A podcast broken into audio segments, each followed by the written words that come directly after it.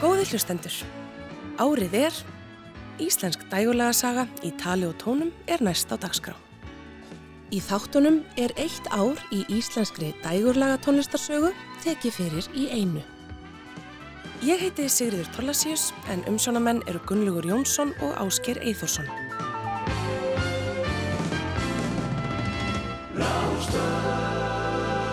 Árið er 1998. Ertu þá farin? Ertu þá farin frá mér? Hvar ertu núna? Hvert liggur mín leið?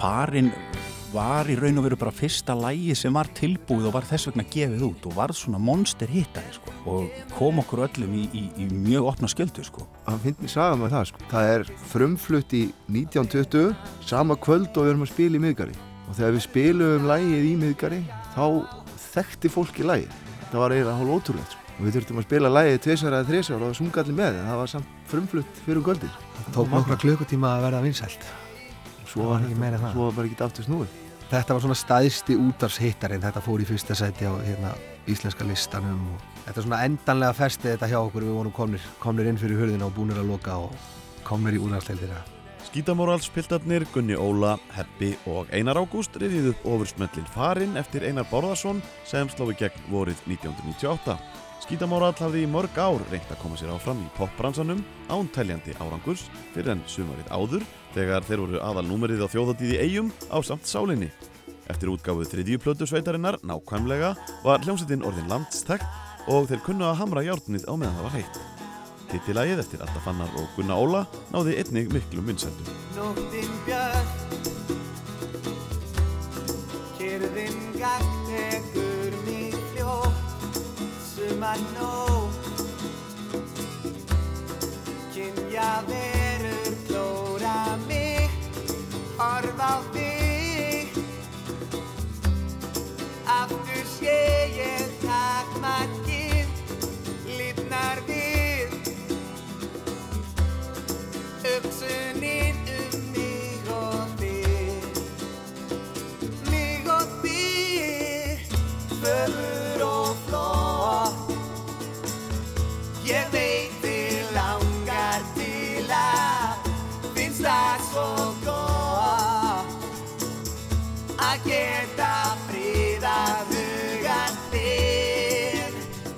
Skítamóral bættist liðsauki þegar umbósmaðurinn Guðmundur Gíslason byrjaði að vinna með sveitinni og hann kunni öll triksin í bókinni. Guðmundur umbóðsmaður kemur inn í sveitina held ég hérna sent árið 97 þá var farið að sitja svo mikið með bandi og spila mikið á skólaböllum og hann vildi svona gæta hagsmun okkar svona varðandi verðlagninguna. Og hann sem sagt hérna tekur þetta föstum tökum og, og setur upp prísa og, og, og hafði lengi vel túrað með SSOL og, og hérna var með góðar dagsetningar á sínum snærum og annað sko og þekkti vel inn á bransan þannig að í hans höndum þá, þá var þetta uh, svona virkilega vel skipulagt Og já, já, það var alveg, sko, hann tók sko gamla mystik frá, frá Svavari Gerst, sko, það var alltaf dreigið fyrir í rútunni, sko, halda mystikinni og svona skemmtilegi hlutir. Þetta var svona markasetningar gameplan í kringum hana líka sko. Við lítum sauma okkur föt mann ég, gerðum jakkaföt og fórum í ákveðna skó og bara, þú veist, tókum svona alliða, hvað maður að segja, svona, var lúkið, ekki endilega bara tónlistin.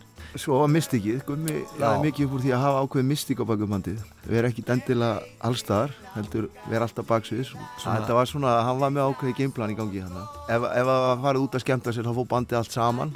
Hann var búinn að aðra sér á borði og sko þetta átti að vera svolítið töff sko. Hann svona sá til þess. Og ég held að við höfum verið bara með örgulega staðista árið okkar svona sprengjuna 98 og við heila svona bara þannig sé réðum ríkjum á þessum sveitaballamarkaði þetta árið sko. ásað náttúrulega þeim hljómsveitum sem kannski voru búin að festa sér í sessi þarna undan Árið er 1998.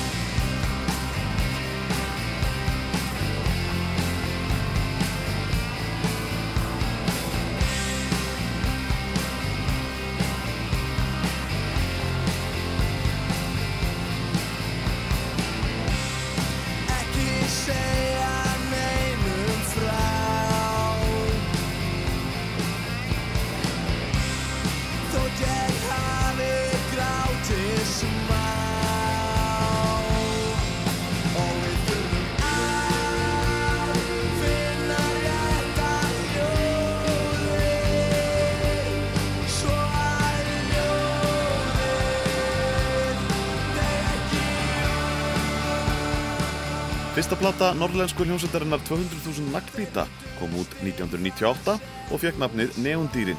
Tríóið hafnaði í þriðja sæti á músiktilunum 1995 og hafði vakið aðtekli fyrir lagið Hæð í húsi sem kom á saflutinni Spýrur árið 1997. Vilhelm Anton Jónsson söng og spilaði gítar en Kári og Axel Jónsinnir spilaði bassa og trommur. Sveitin spilaði hressilegt og grípandi rock og lögin Neðanjarðar og Brjótum það sem brotnar nutu vinselda á öldum ljósvakans. Klukkan hans. Standa við klukka verðandi manns. Komast inn, komast að. Hver er hver og hvað er hvað. Við vitum öll hvernig fer. Þau deyja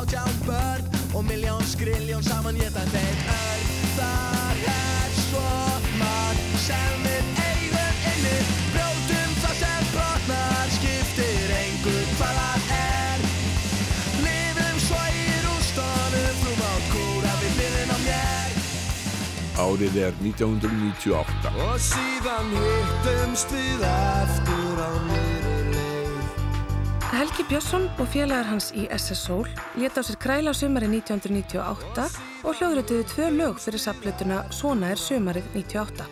Annað þessara laga, Ég fer í mat til mömmu, var við texta eftir Hallgrim Helgason en lagi sem hitti rækilega í mark þetta sumar var síðan hittumst við aftur. Það söng Helgi til Vilborgar Halldórsdóttur eiginkonu sinnar sem var við nám á Ítalíu.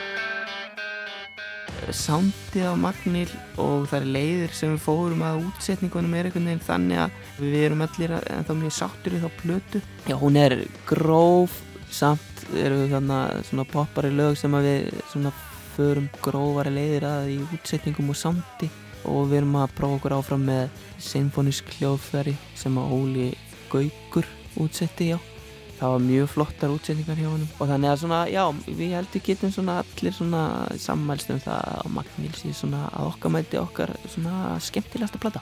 Sko, við náttúrulega erum þá að vinna með Ken Thomas sem er náttúrulega algjör snillingur. Og sándlega séð já, finnst mér hún langt best sko, mér finnst hún, svona ef maður horfur á heildina sko, þá er hún best sko á þessu plötu svona heildasöfni Halli og Heiðar sögðu frá plötunni Magnil sem var þriðja breyðskif á botleðju og kom út undir lokás 1998. Sveitin hefði eitt miklum tíma erlendis á árinu til tónleikahalds í Breitlandi og Danmörku þar sem hún spilaði meðal annars á Eurospotting hátíðinni. Félagarnir fóru til Los Angeles í þeirri von að koma sér að í borg Englana en ekkert var fast í hendi þegar heim var komið eftir mánaða túr. Alla þennan tíma hafðu piltarnir verið að semja og undirbúa plötu upptökur og sveitinni hefði bæst liðsauki í hljómbásleikaranum Kristni Gunnari Blöndal. En hvernig var fyrir tríóið að fá inn fjórða meðlumi? Það var bara gaman, mér finnst það bara frábært. Músikinn sem við vildum fara að gera var svolítið orðið þannig að það var erfitt að framkama hana þrý sko. Ekki það að það hefði ekki verið hægt en okkur langaði svona að experimenta meira og það var svona gott að hafa fleiri en færri. Já, Kristi Gunnar Blöndal fungeraði mjög vel samtlega sér inn í, inn í hljónstina og hérna farfísan er svona enginnismerki líka á Magnil og gefur Magnil mjög skemmtilegan blæ. Það er alltaf að segja núna það, við vorum alltaf svona klíka sko við þrýr sko. Það er svona einhvern veginn fjórða hjólið í botlið hefur alltaf verið svona hálf enginnilegt og út undan kannski og það kannski hefur verið ekkert sérstaklega skemmtilegt fyrir þá meðlými að vera fjórða hjóli í botlið sko því að þetta er náttúrulega batnið okkar og við erum plássfrekir kannski ég hafi verið erfiðastur ég hugsa það varandi, varandi fjóruð hjólin sko. þannig að hérna, fjóruð hjóli funkar að fyrir botlið sem hljónseit en kannski ekki svona í klíkuna sko. Platan fekk gríðarlega góða dóma og henni var hrósa fyrir hljóminn sem Ken Thomas bar ábyrð á. Hún var valinn plata ásins af átján valingunum spekingum hjá Focus sem var nýtt vikublad DFF og hlaut einnig íslensku tónlistafölunin. Platan seldist þó aðeins í 1500 eindökum fyrir jólinn 1998 en sveitin var í feiknar góðu formi og í læginu Flug 666 var rockað feitt.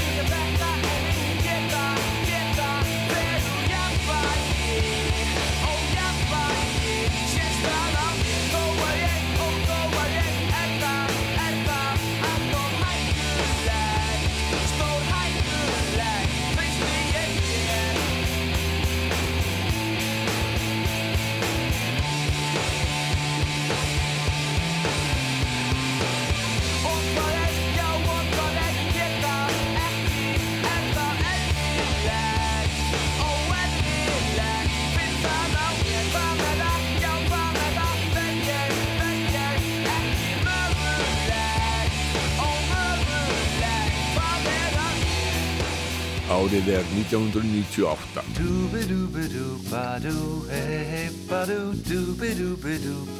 Páll Óskar uppgötvaði tiltölulega óþekta hljómsveit, Casino, þegar hann var plötusnúður á Ingolskaffi á sama tíma og sveitin spilaði á hæðinni fyrir ofanan.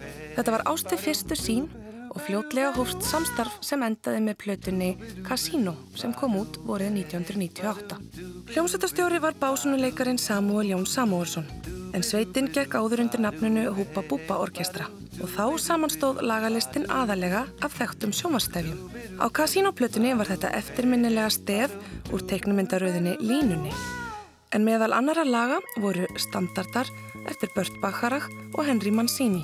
En einnig vinningslægið úr Eurovision-keppninni 1978, Abani B, sem var framlag Ísraels það ár.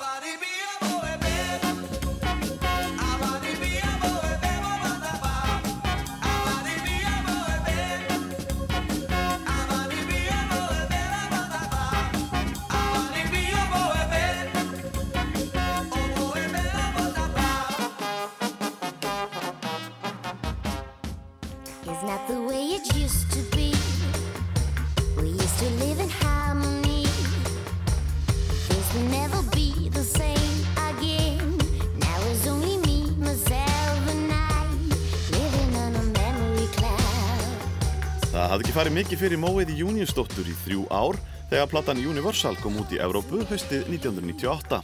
En þetta var fyrsta plata hennar með frumsöndu efni. Móa vann að plötunni í Breitlandi með hljöfum í tvö ár og tókst að fá samning við Tommy Boy sem var framsækin plötuútgáfa í eigu Warner útgáfurísans. Tommy Boy var þekkt merki í hip-hop geranum sem gaf meðal út plötur með Dula Soul og Coolio. Móiður fór á samt hljómsveit sinni í hljómleikaferð til Bretlands í desember, smáskífulagi Joy and Pain fekk góða dóma og myndbandið fór í forgangsspilun hjá MTV í Evrópu.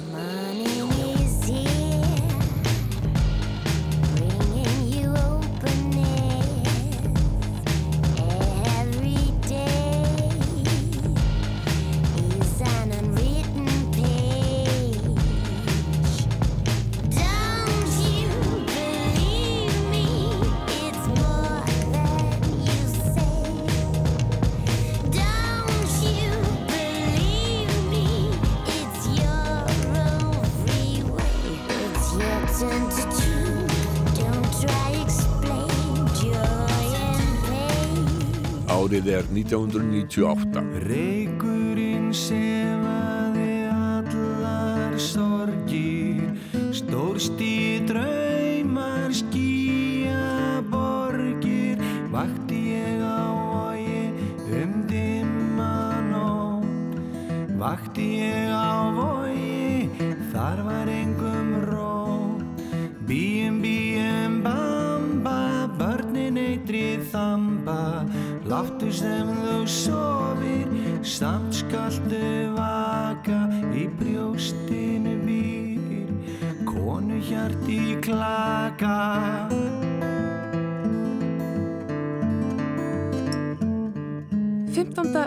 15. sólóplata Bubba Mortens með frumsamdu efni fekk nafnið Arfur og kom út síðla árs 1998.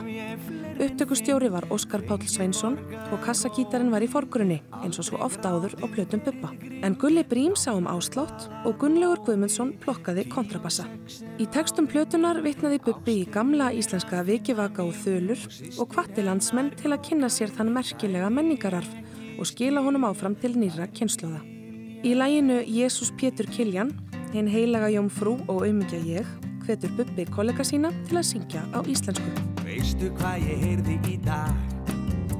Amingan er skrítið lag Ekki er ég að frasa Enga á ég frasa Jú kannski þennan Þennan sem leifir allt Þegar hamingju hjólið er vall Tunglið Þarna er ég að syngja um minnumáttakend Íslýtinga sem að Sigur Rós er nú að breyta og laga. Því að, að það sem ég hef verið að syngja um í 20 ár er það að, að íslenskan sé nógu góð til þess að það sé hægt að syngja hana fyrir utan landsteinana.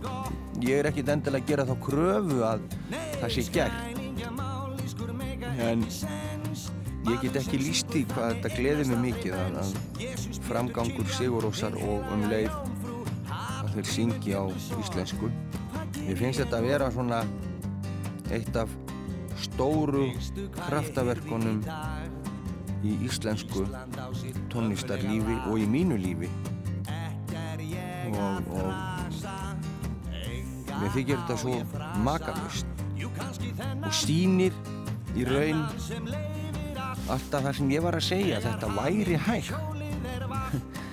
En, en, en þetta er ekki það að ég fari fram á það að allir syngja á, á íslensku út í heimi það er auðvitað. En ég gerir þá barnalegu pröfu að menn syngja á íslensku hér á Íslandi. Og það er gera það margir. Mausararnir hafa verið mjög öllulir talsmenn þess. Og og, og, og menn skul ekki vannmeta sveitaballa hljómsveitarinnar hljómsveitinnar og þeirra framlag til þessara hluta. Nei, skrælingja mállískur mega ekki sens.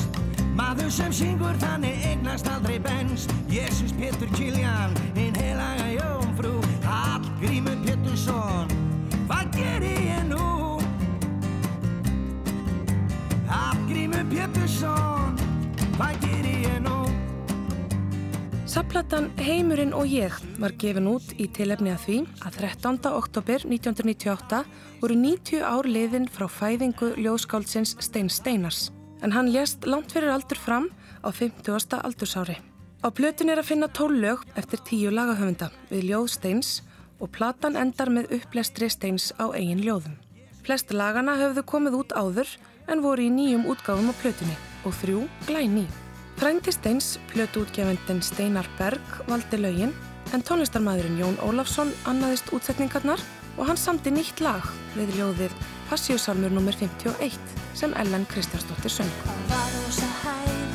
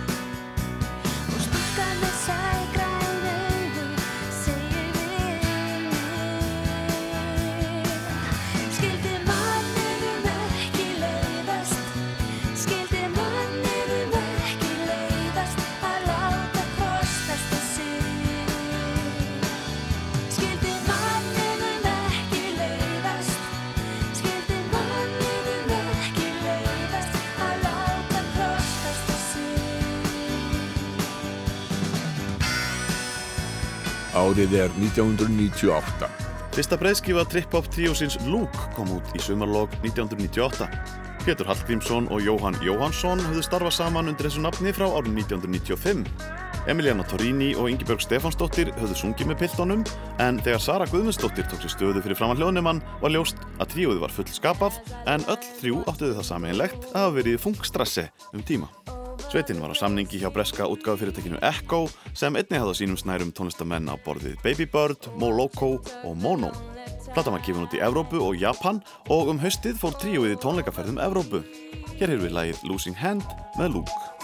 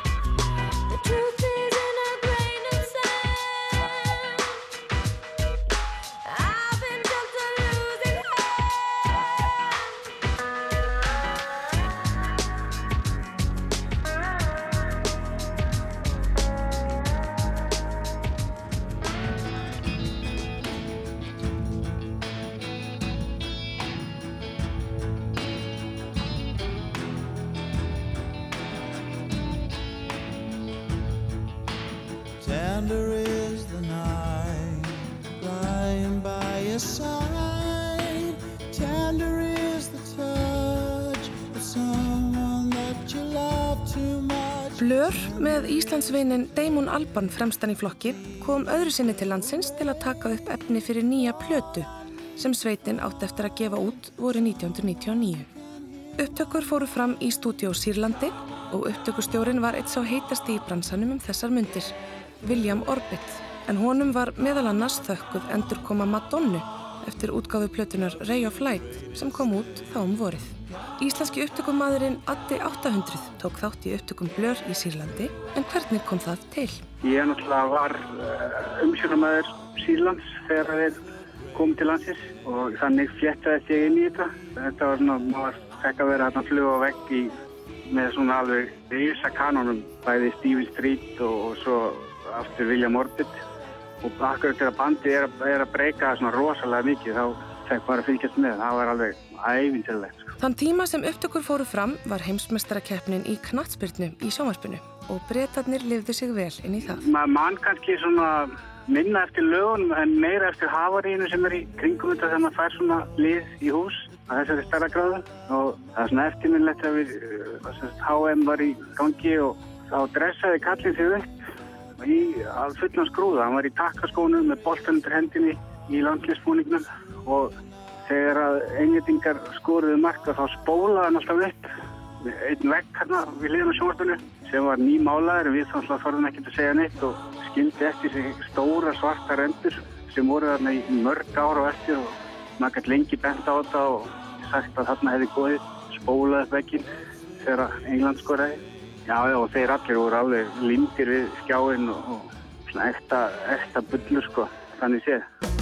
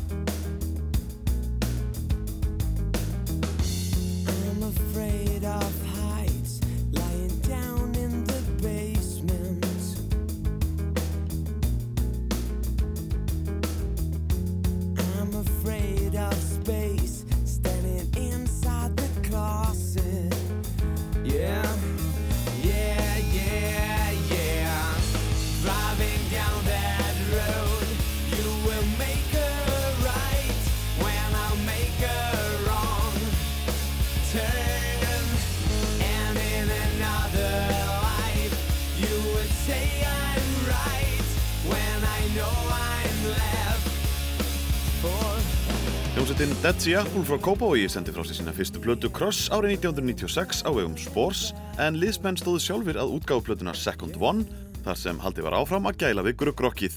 Hljómsveitin var komin í samband við bandarískan umbóðsmann Don Thomas sem mætti til landsins og kom á útgáfu tónleikaplötunar í november 1998. Í kjölfar bauðan fulltrúum nokkura útgáfu fyrirtækja til landsins til að hlusta á Dead Sea Apple. Sveitin fór svo í tónleikaferði bandaríkjana en liðsmenn sveitarinnar komust að því að til að ná árangri þyrftu þeir að flytja út og helga sig tónlistinni alfarið. Þeir voru hins vegar ekki alveg tilbúinir að ganga svo langt og gáfu útrásadraumin upp á bátinn en voru þessi stað duglegir við að spila í heimalandinu. Sveitin leisti svo upp skömmu síðar þegar meðlimir Dead Sea Apple fluttu í sitt hvora áttina og þriðja plata sveitarinnar sem var tekin upp um aldamótin er ekki ennþá komin út. Piltarnir koma hins vegar ennþá saman með reglulegu millibili og tróða á til upp á tónleikum. Heimsókn bandarísku útgáðfyrirtækina á tónleika Dead Sea Apple var söguleg því hún markaði upphaf Iceland Airwaves á Íslandi. Eftir ferðina kviknaði þessu hugmynd að fá Iceland Air til að fjármagna hátíð sem myndi hafa það að markmiði að fá erlenda útsendara plötufyrirtækja og tónlistartímarita til að koma til landsins og skoða íslenskar hljómsveitir.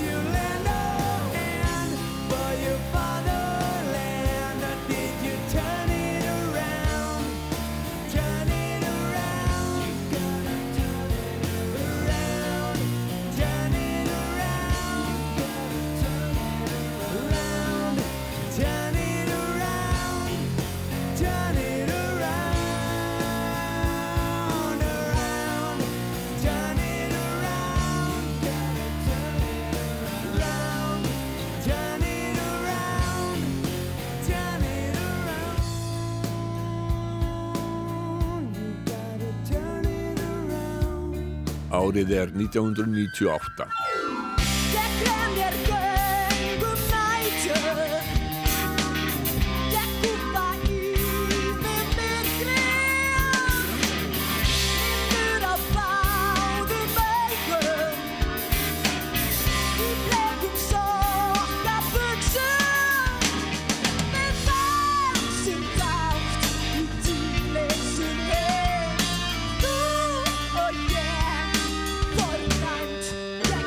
gegn Hljómsveitakeppnin Rockstock var haldin í fyrsta skipti í Keflavík árið 1997 á vegum félagsmiðstöðurinnar Ungó og sýraði hljómsdinn Dan Mótan í keppninni. Það var ákveðið að endurtaka leikinn sumari 1998 og þá bar hljómsveitin með hugulega nafnið Chlamydia X sigur úr bítum. Sveitin fekk að launum ferð á tónleikaháttíðina Mosstock í Danmörku auk hljóðverstíma. Með liðsmanna Chlamydia X voru gítarleikararnir Bræi Valdimar Skúlason og Þráinn Árni Baldvinsson og trómuleikarinn Jón Geir Jóhansson sem síðar gerðu það gott með Baggalúti, Skálmöld, Ampop og fleiri sveitum. Hljómplötu útgáðan Game State gaf út sapplötu með því besta á Rockstock-keppninni 1998 og á henni var lag Chlamydia X Sér grefur gröð.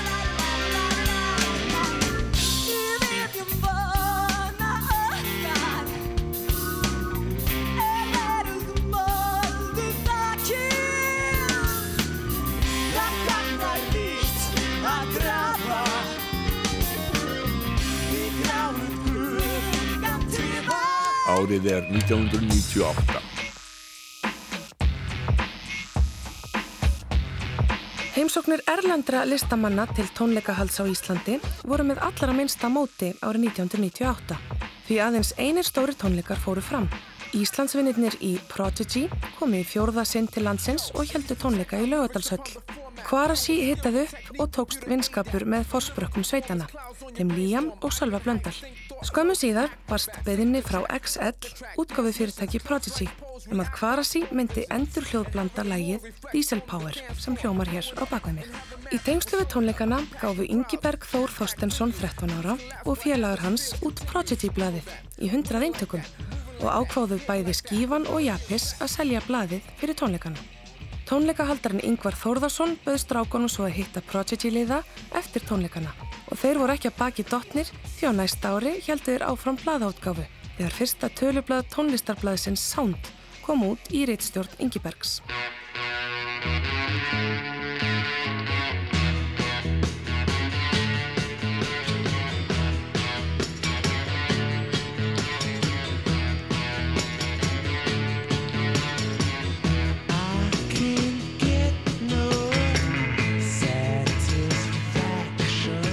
Ragnhildur Hansson stóð í samningaviðræðum við Rolling Stones allt árið 1998 og vonaðist til að Stones heldur tónleika í Sundahöfn 20. ágúst.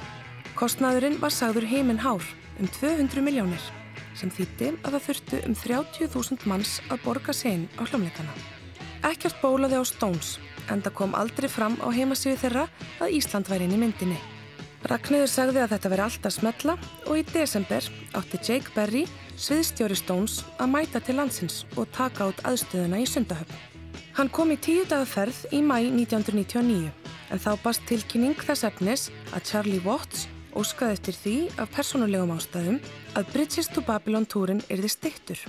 Þar með dætt Ísland út úr myndinni. Mick Jagger byrtist hins vegar óvænt á Ísafyrði sumari 1999 en það er önnu saga. Sóta vatni, sýstur mag á krókin Svín, feitum aðgjúr, aðal dag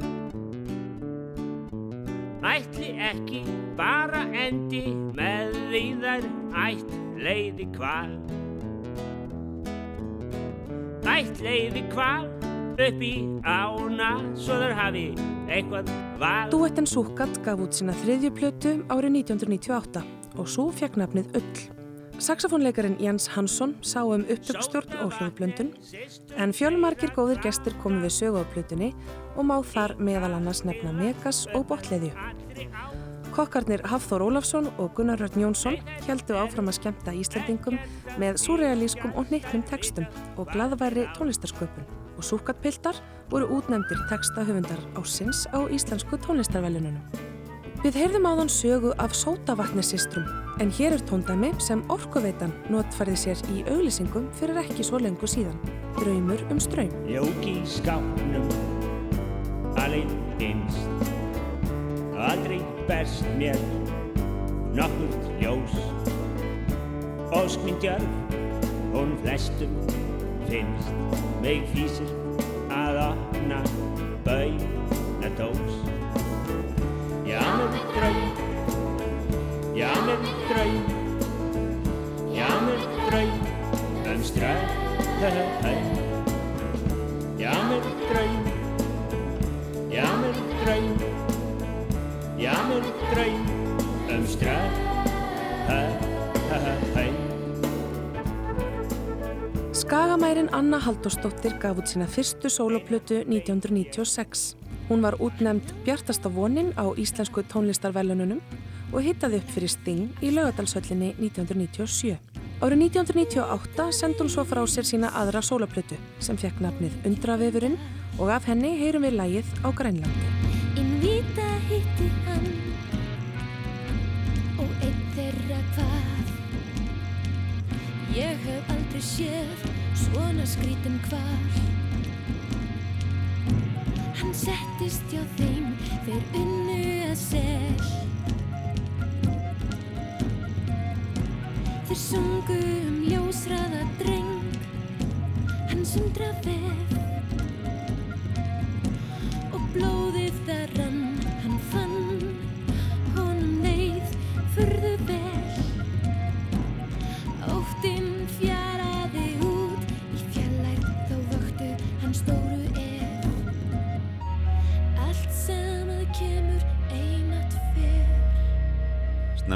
1998, stopnaði skagamæðurinn Jónas Björgvinsson hljómsveitina um hum utanum tónlist sína, lög og texta. Sveitin hélt til Danmerkur þar sem platan Haust var tekinu upp í Dynamic Production hljóðverinu sem Orri Harðarsson rak og hann stjórnaði einni upptökum af plötunni sem kom út í oktober 1998. Plötunni var fyllt eftir með fjölmörgum tónleikum, meðal annars sameiginlegum útgáfutónleikum með Önnu Halldórs þann 12. desember í Bíóhöllinni á Akranesi sem voru sendir út í beinni útsendingu á Rás 2. Hér er farast að lægið Svig og Plott eftir Jónas og það er söngkona um hum Þórun Jónsdóttir sem þennur rappböndin.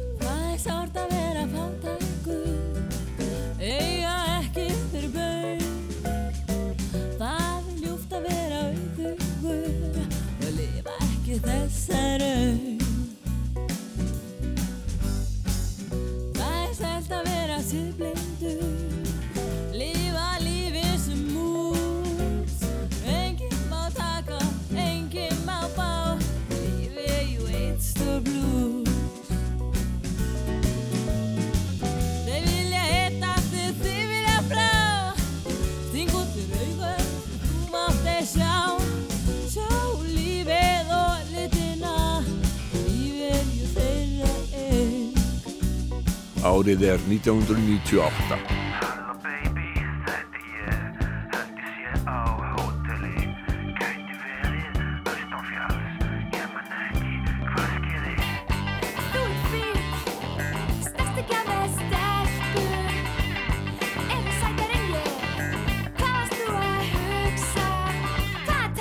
traustu með þér? Já, Heiða kom inn í þessa blötu sem þáttakandi meðan, samt í bæði lög og texta með þér já, meðan að hitt var bara, þá var hún bara komin inn og bara tekin inn svona Já. þegar allt var tilbúið. Þarna hefur líka hljómsveitin aðeins breyst Þóra Eldon er ekki með á þessari blötu Já, var nú samt eitthvað aðeins með þegar vorum að semja eitthvað að þessu. Ég mandi ná ekki hann spilaði ekkert inn núna Hann spilaði ekkert inn á, en hann var með því að semja nokkuð lög. Þetta var sér satt þannig að, að þarna voru búin að vera í miklu meiki mjög lengi og þess vegna er þetta svona miklu bömmir allt saman. Því þið meikuðu ekki það ekki. Já, ég held að við höfum bara gefið skítið í þetta og bara ákveðið að gera bara plötu og hafa bara gaman að Já, það var dálítið búið að vera allt og mikið hérna, einblínt á það að meika og alltaf með sömu lögin sem við tókum upp fyrir einhvern þrejum fjórum árum og við heiða vildum frekar fara að gera eitthvað nýtt og bara aftur í bílskúrinn og fara að Já. æfa en einhvern veginn vildi Þór viltist Þór ekkert hafa neitt sérstakann áhuga á því og var dálítið að draga lappirnar og við vorum búin að bóka stúdíu og Já, þannig að við vorum hann með Valgeri Sigurðsson að vinna. Hann, hann á náttúrulega helling í þessu líka. Hann Já, var hann hann- upptökumæður og pródúsir. á stóran hluti í þessu sándöllu Já, þannig að við vorum hann eiginlega þrjú af unun, má segja Já, og svo Biggie Baldur spilaði á trómur Já, hann spilaði á trómur Eh, Bandi var svona í algjöru upplausn á þessum tíma Dr. Gunni og Heiða sögðu frá plötunni Óta sem var svanasöngur Ununar. Í geimt en ekki gleimt á Rás 2. Eftir að platan kom út var Unun mönnuð upp á nýtt með viðar í hákona sinni og Þorvaldi Gröndal á samt hljómbóðsleikaranum Byrnu Helgadóttur og fór í tónleikaferð til Finnlands og Eistrasaltslandana um veturinn. En stemningin fyrir bandinu fór dvínandi á Íslandi og Unun hætti sömarið 1999.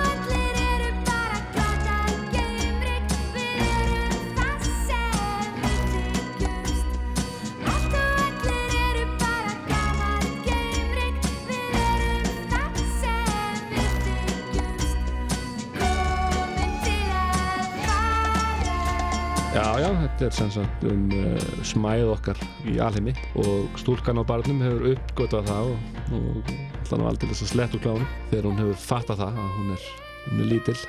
Og þetta lag var einmitt líka dálítið vinsælt og þetta er náttúrulega kannski svona blanda af bömmur og stuð lagi, þannig að lagið sjálft er svona dálítið já, eða þannig girl group sound einhvern veginn. en, hérna, en textin er samt með svona einhverjum bömmur Bömmur ífa við. og þetta fekk nú einhverja spilun Já, tíma. við gerðum með þessi að myndband, fengum hérna Óskarsveluna næstu því hafa til að leikstýra myndbandi. Rúnar, Rúnarsson. í þessu lagi þá er hérna, Svona 25 ára stúlka já þá er þetta svona kaffibarstelpa sem að, eins og segir í textanum þú veist, aðeins of mikið máluð hver sér það einum of hávær tónlist hvað með það, þetta var bara svona lýsing og kaffibarnum. Þetta er ekki einhvern veginn sama, sami fílingur og í 101 Reykjavík? Myndin einhvern veginn? Þegar svona kaffibarinn var aðalstuð dansa upp á borði og þú veist einhvern veginn allir að reyna við alla og, veist, og, en þetta skiptir engu máli því að við erum bara eitthvað geimrik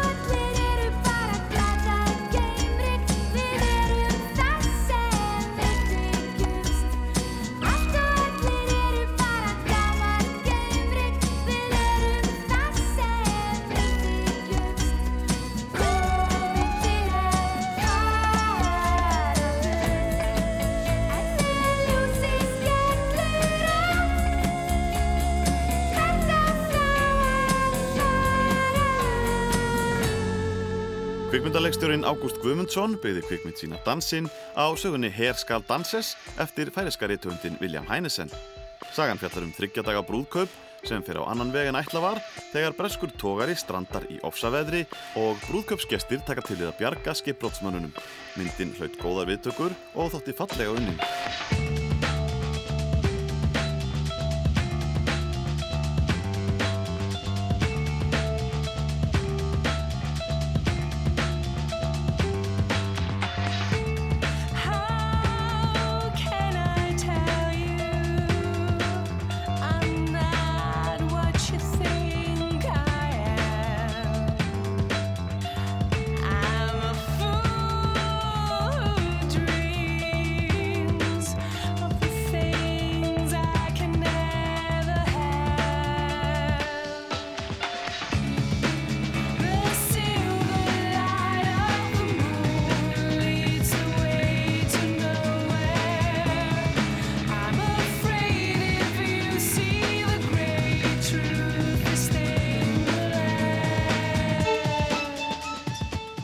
Samningur rennur út hjá smekkleysu og við svona viljum breyta til. Við erum alltaf búin að vera saman í hljómsveit frá 16 ára, við erum kannski við erum hvað, rúmlega 20 þarna og okkur langar að gera eitthvað allt annað. Þannig að þá byrjar þessi pæling með Bellatrix og fyrir að vinna með Bippo Bjalla sem voru í hljómsveit sem heitir Northern Light Orchestra. Þeir voru svona elektróstrakar og við fyrir að spila svolítið með það og ruggla svolítið til í tónlistinni, leifa þeim að gera remix og svona og þá kemur upp þessi hugmyndum að breyta bara alveg yfir í Bellatrix og prófa eitthvað nýtt, fara út veist, prófa Breitland til dæmis. Og við sendum hann að demo-tape út um allt bara alveg random. Fáum viðbröð strax frá Trevor Holden sem að vann hjá Fire Records sem var svona indie fyrirtæki úti. Og hann var með sitt eigin label líka. Og hann býðst bara til að gefa út hann fyrsta demoið. Og við náttúrulega bara hlaupum til og förum á stað. Og það, það demo endar svo sem platan G sem kemur út 98 í Breitlandi Elisa Newman sagði frá þeirri ákverðin Kolrössu krókriðandi að einbytta sér að Breitlandsmarkaði og taka upp nafnið Bellatrix. Útrásinn fór vel af stað og Bellatrix spilaði á bransaháttíðinni In the City í Manchester. En þangað mættu meðal annars útsendarar frá öllum helstu plötu fyrirtækjum í Breitlandi, auk helstu umbóðsmanna og bókara í tónlistabransanum. Sveitin spilaði á svokölluðu Unsigned kvöldi og breska tónlistarblaðið New Musical Express valdi Bellatrix besta bandið á hátíðinni með fyrirsögninni The Best of in the City, New and Unsigned. Í kjölfarið kom út þröngskífa sem fekk nafnið G og Silverlight var fyrsta smáskífulægið. Þetta gerist alltaf mjög frekar hratt. Við gefum út plötuna, fáum rosa marga góða dóma, fyrir út að spila og bara uppselt allstaðar, fyrir um tónleikaferð uppselt og þetta er alltaf gerist þarna millir 98 og 99. Þannig að 99 þá ákveðum við að fara út bara til þess að geta synd þessu betur.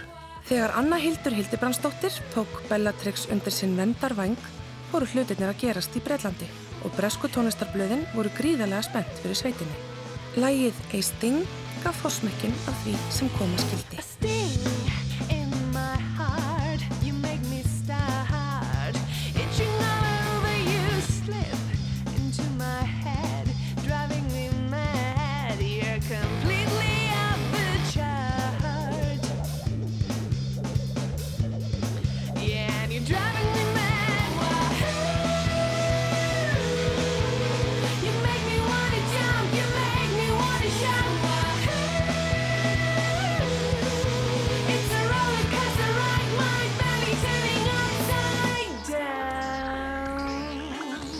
Breytingarna á músikinni eru náttúrulega þurfa miklu meira svona elektró element í þessu og meira poppa.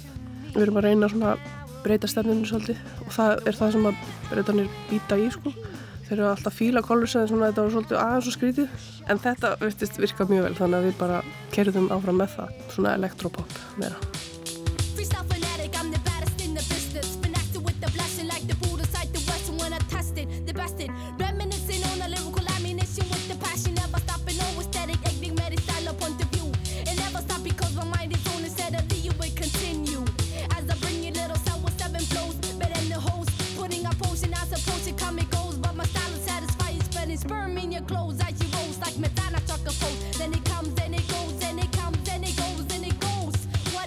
When nobody knows? Southside been blowing maggins with my lyrics full of tricks. Rampage you with my style. Break it down like this. Robert Aron Magnússon, Robby Chronic, spilaði rap og hip-hop á X-inu og stjórnaði líka For Your Mind útgáfunni sem sendi frá sér subskífuna For Your Mind Volume 1 þar sem bóðið voru upp á alltaf besta sem íslenska hip-hop senan hafði upp á að bjóða.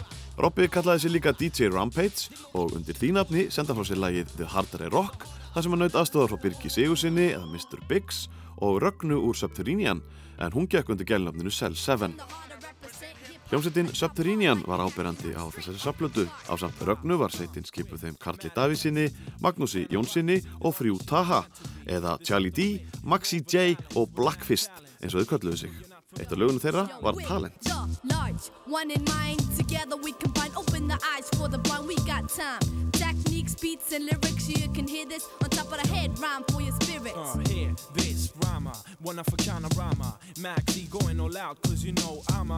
Gonna get mine, gonna get mine. Yeah, for 98, yo, I'm gonna get mine. Rhyme on the beat, and in the street I give respect. Mad props, cause it's not about to beat our competition or dissing. Rather lyrical prison when you get exposed. Peace later, case closed. Svo hljómsveit sem vakti hvað mesta aðtikli á sapplötunni For Your Mind Volume 1 var duettinn Real Flavors. En hann skipuðu átjónar og tvíburasistur, Brynja og Drífa Sigurðardætur og þær áttu lagið Get It On.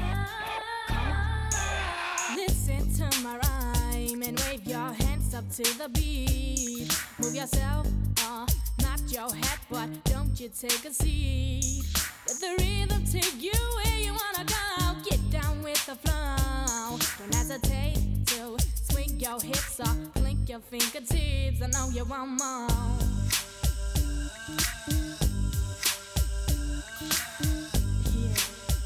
Árið er 1998. Svíf fram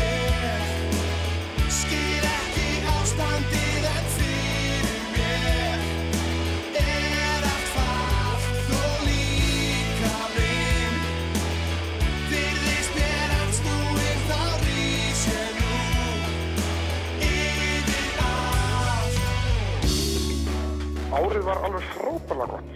Við hérna vorum á svolítið kritísku mómenti svona þegar við erum að byrja, þegar árið er að byrja, erum svolítið í lausu lofti með að gera aðra blötun okkar. Strax og við komum með sumarlögin, að strax og við gerum þau þá verð fer batterið að rúla. Vefur utan á sig, ég held að, að þetta ár, síðasta ár fyrir okkur hafi verið svona endaleg prófuraun og við höfum svona eiginlega sannað okkur og erum komnið með nafn og, og kennitölu eins og sagt er. Bergsveinn Arilíusson var kátur með gengið hjá Soldögga árinu 1998 þegar Lísa Páls spjallaði við hann í tónlistarann á lásins. Hljómsveitin sendi frá sig sína þriðju plötu 5. november 1998 og var platan samnemnd sveitinni. Lægið Yfir allt var eitt tryggjalega plötuna sem hitti í mark og það endaði sem mest spilaða íslenska lægið á Rást 2 árið 1998. En lægið Viltur sló líka í gegn.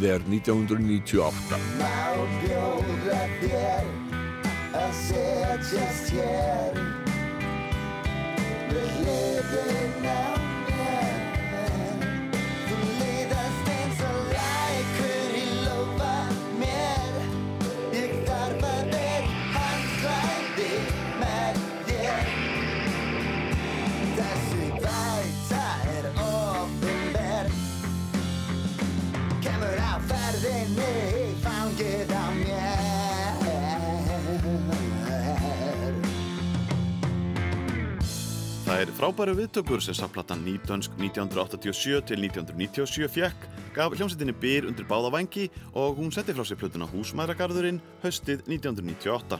Daniel Ágúst hafði hætt störfum í nýdanskri til að geta einbett sér að hljómsveitinni Guðskus og Björn Jörundur tók við hlutverki forsöngvara. En og aftur breyttu liðsmennum verklag og í staðis að vera vel æfðir fyrir upptökurnar var hljóðveri leikvöllur þar sem gerðar voru ímsar tilraunir. Upptökur hófust í byrjun sumars undir stjórn Ken Thomas sem sá einnig um hljóðblöndun og hljómsveitin uppgötaða nýju spilagleðina sem engendana framan af ferlinum en týndist við vinsluna á plötunni Hunangi. Björn Jörundur var sem fyrr afkastamestur í lagasmíðunum og lagið Blómarósahaf er eftir hann.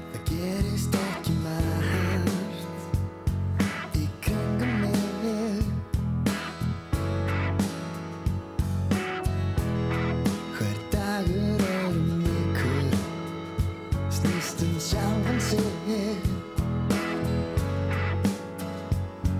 Ef ég ligni aftur augunum og gleymi mér í myndunum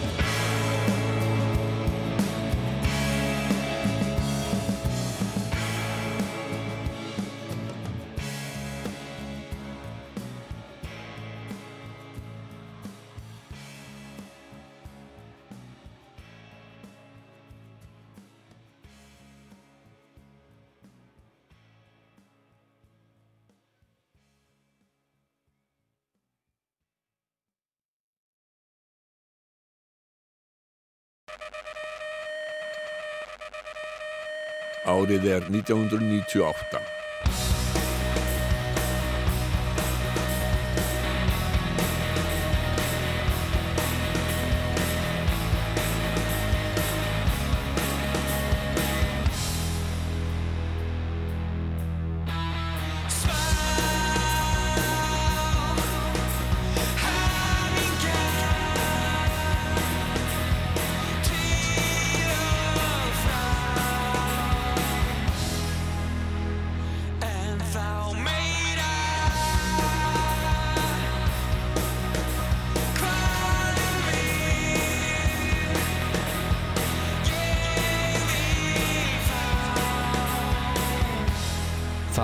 Svona þegar Frans kemur inn í myndina sko, þá fer að koma svona heldamynd á þetta og við svona byrjum að vinna, fengum hérna svo Otni Sturldóttur og Kjartan. Róberts hérna með okkur, þá byrjum við að vinna hérna demo í, í hérna kjallaræðiskefinni.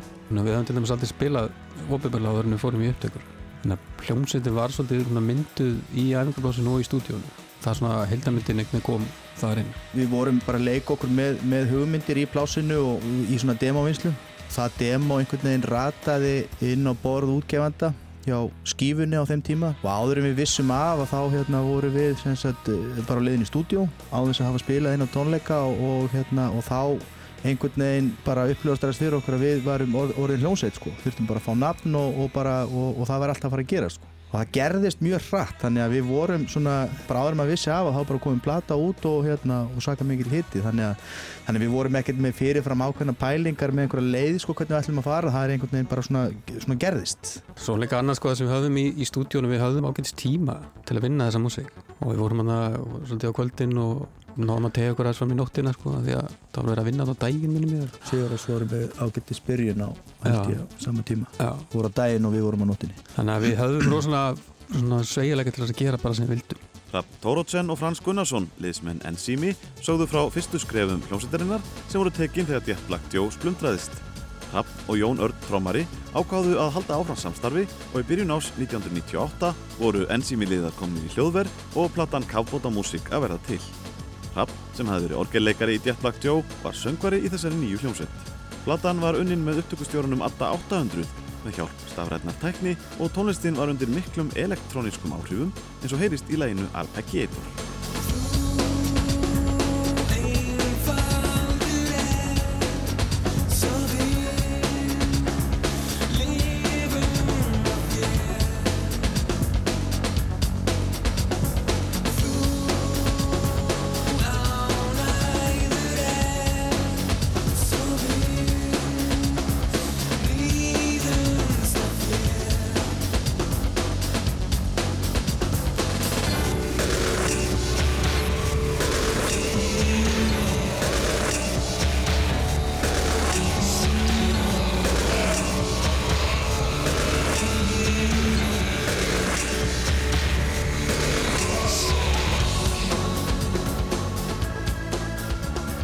Kafbótamúsík fekk frábærar viðtökur en það var ekki fyrir en eftir afhendingu íslensku tónlistarverlunana að Enzimi náði þeirri aðtikli sem mörgum fannst hún ætti skilið. Hljómsettin var valinn Bjartasta vonin og lag þeirra Atari, besta íslenska lag ásins 1998 en lesendur tónlistatímaritsins undirtóna höfðu áður komist að sömu niðurstöðu.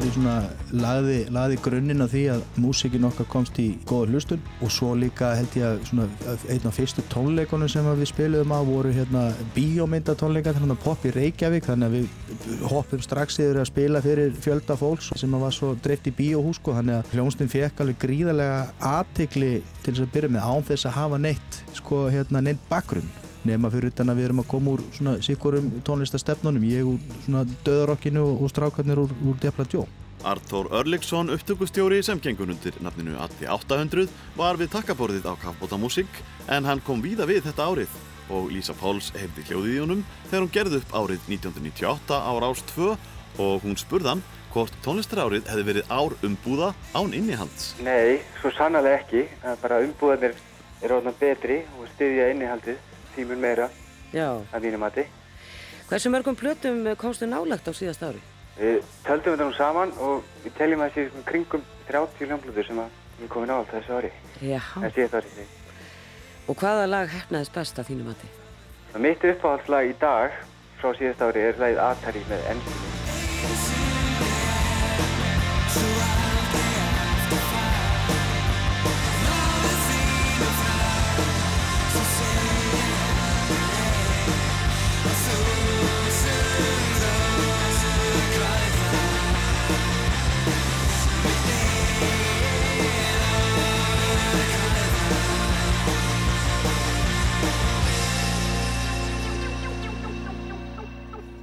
Árið er 1998.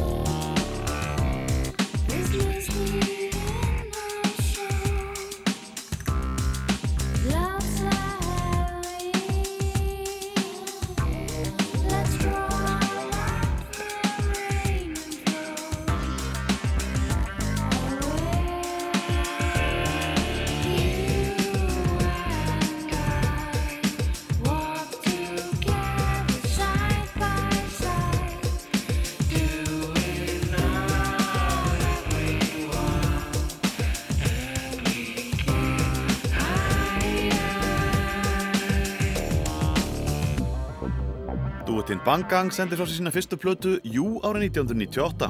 Barði Jóhansson samti lög og texta og sá nánast alfarið um hljóðfæraleikin sem var að mestu rafrætt en Esther Talia Casey söng og barði kvíslaði undir. Bang Gang hafði vakið aðtegli árið áður fyrir lagi Svepp á saflutunni Spýrur en lagið fekk enska heiti Sleep á breyðskifunni. Platan hitti í mark og lögin Sacred Things og So Alone fengu fína útaspilun á Íslandi og hróður sveitarinnar barst út fyrir landsteinana. Myndbönd sveitarinnar rötuðu til að mynda á spilunarlista MTV sjónvastöðurinnar og lagið So Alone náði toppsætinu á dönskum vinsaldalista.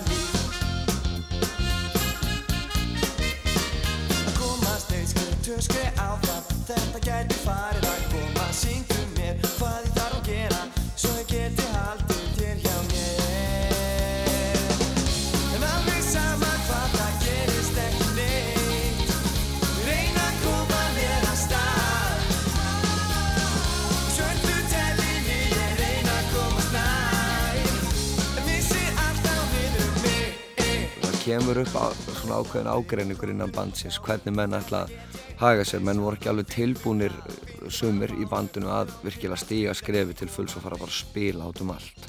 En ég var uh, afskaplega graður og vildi halda áfram og hérna kýla þetta í gegn og sem verður til þess að rauninni það bara ég og, og Jón bassaleikari vorum eftir og á ákveðinu tímapunkti þá var ég bara, ég sá, sá þetta ekki ganga og var mikið fíla. En þá hérna er ég kynntur fyrir Birgir Nílsen og, og hérna hann Gunnar Þór Ekkertsinni, gítarleikara. Og við eigum fund á gamla gögnum þar sem að við erum svona að skegg ræða þetta hvort að þeir komi inn í bandið. Og þeir náttúrulega með ákveðna reynslu úr Vinn og blóma. Við náttúrulega litum mikið upp til Vinn og blóma á sínu tíma. Við ákveðum það að við ætlum að æfa og bóka bandið svona aðeins upp úr byrjun januar 1980 svo kemur það bara að, að við erum bókaðar á skólaball hjá FSU síðustu helgin í januar á föstu degi og það er Akureyri og lögandi og þessi helgi tókst alveg vonum fram að gerðum alveg rosalegt ball á Akureyri. Og þá vissi ég bara ok, þetta er, þetta er eitthvað Reymur Örn Heimisson sagði frá breytingunum sem örði hjá hljómsettinni Landi og Sónum í byrjun ársins 1998 en bandið var ekki alveg full mannað. Það vandaði hljómborðsleikara og ákveði var að halda pröfur til að finna rétta mannin. og í þessar hljómbúsleikara pröfur komu hann Andri sem að spilaði setna með mig í Írafórin hann var bara svo ungur, hann var held ég 15 að vera 16 þegar hann kom í pröfuna til okkar. En það kemur hann einn á, stelpa í pröfuna. Og hún náttúrulega með einhver stig á piano og, og þeim leist svona svakalega vel á hann. Og þetta var hún Dísela Lár. Og hún var með bandinu í eitthvað hálft ár. Tók upp með okkur svona fyrstu lögin og virkilega skemmtilegu tími þegar hún var með en, en við fundum nú fljótlega hennar svona leið uh, var ekki alveg samlega bandinu og hérna frábær stelpa, frábær söngkona skemmtilegu hljómbúrsleikari Þegar Dísala Lárusdóttir hætti var kallað í þriðja fyrrum liðsmann Vinavoss og Blóma í bandið, hljómborðsleikaran Njál Þórðarsson. Land og Seinir höfðu slegið í gegn með læginu Vöðvastæltur árið áður og sveitin gaf út sína fyrstu stóru plötu undir lok ársins. Platan fekk nafnið Alveg eins og þú og var vel tekið og lægið Dreymir fekk mikla útvarspilun. Myrkrið fer hverfur úr huga mér. Þegar þú brosir blít til mín Ég dag hvert vel hjá þér. Í ímyndum Ég ávalt sé Það er þú sem mig dreymir um. Ég þig elska vil og þrá Því mig dreymir Allt um þig þína ást. Og mig dreymir Öll mín tá niður vanga þinn. Og mig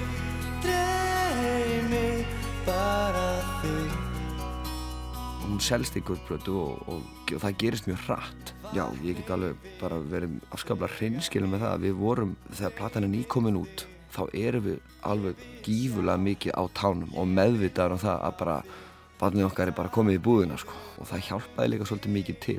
Sko við reyndum að vera mjög frjóir gera svona nýja hluti. Til dæmis byrtumst við bara á stjörnutorgi kringluna sem var til dæla nýtt á þessum tíma og þar vorum við bara allt inn með eitthvað happening við vorum svolítið yðnir við þetta að koma svona fram óum beðnir hér og þar og spiluðum í hérna alveg ótrúlega stöðum Árið er 1998.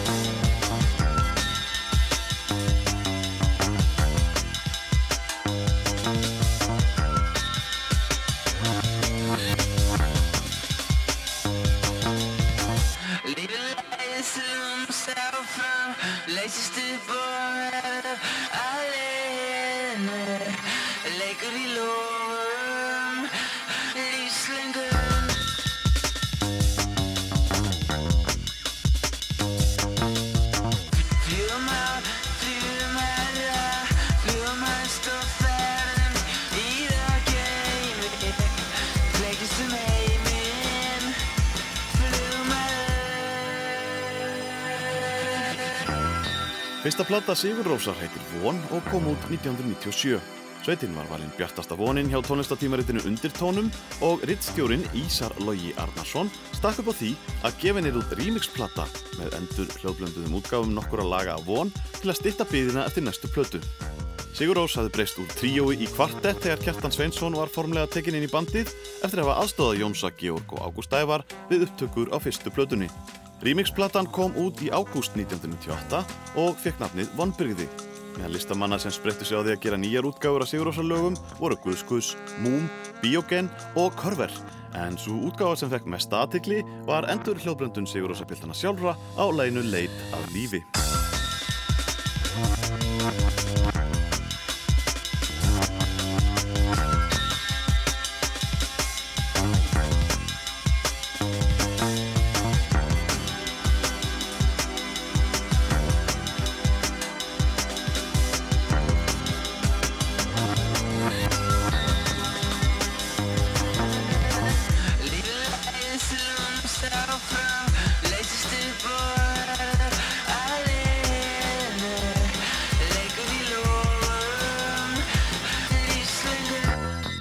Nú hugmynd ekki komið frá okkur. Skemmtileg hugmynd samt. Þetta verður bara að fá íslenska raf tónlistamenn til þess að endur hljóðblanda lög af þessari einu plötu. Taka þessa plötu bara endur hljóðblanda. Það var svona skemmtileg tilhörn og líka nafnið náttúrulega svona. Leika sér aðeins með orð. Von Brygði. eins og Brygði af Von. Algjör Von Brygði þessi plata líka. það var mjög skemmtileg. Við kannski svindluðum pínlítið og gerðum eiginlega svona endur hlutblöndunar lægi sem var í rauninni ekkert á plötunni. Átt að vera á plötunni en var svo ekkert á plötunni. Það er þetta að lita lífi. Já, þannig að þetta var svona smá svindl En það lag sló í gegn. Já, ég, ég mitt hérna kveikt á útverfinu ekkert um daginn og þá var að spila þetta lag og ég var svolítið ánægð með það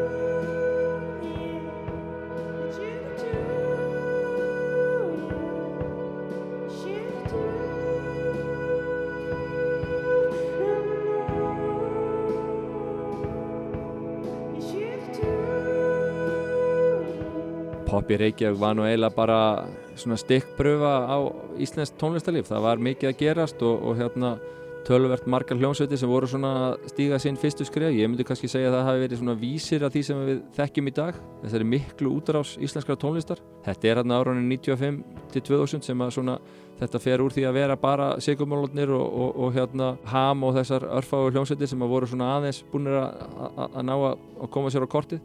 Fer upp í að vera þarna kannski 15-20 hljómsveitir sem að allar ná einhverju velgengni utan landsteinuna.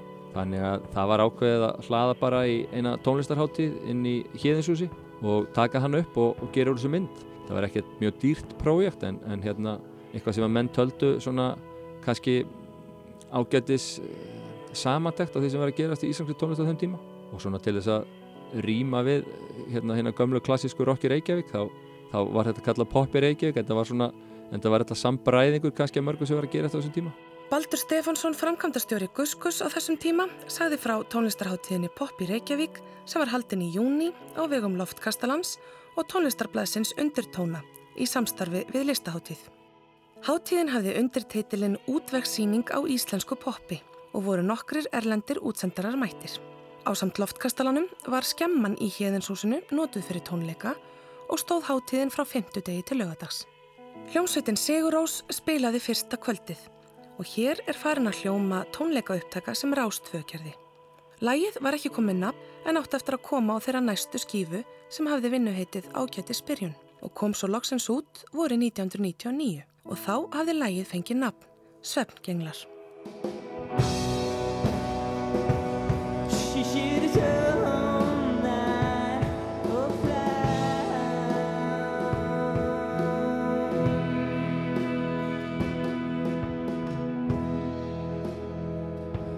I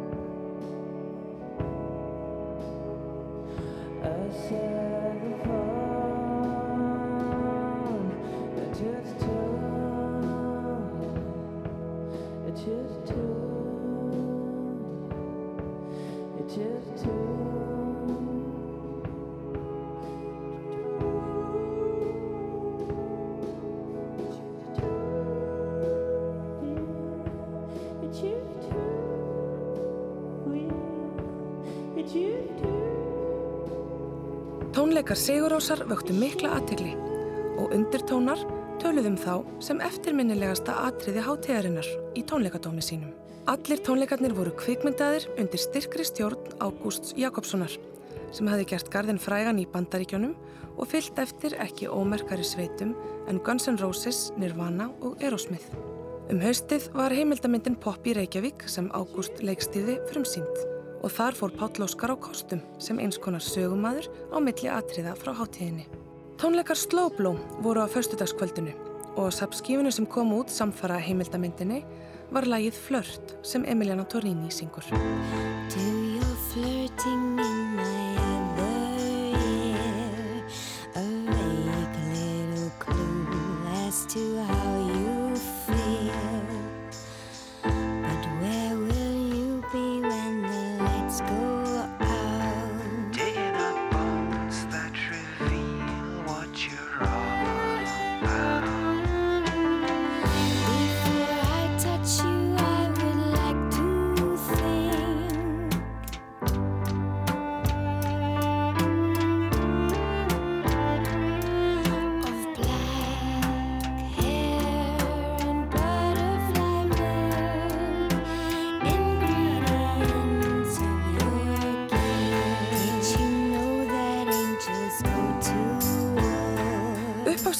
Lokatónleikana var rafræni duettin Súrefni, skipaður þeim Þresti Óskarsinni og Páli Sveinbjörnsinni og þeir kynntu efni af sinni þriðju breyðskifu sem fekk nafnið White Noise og þar var að finna lægið Slide Off.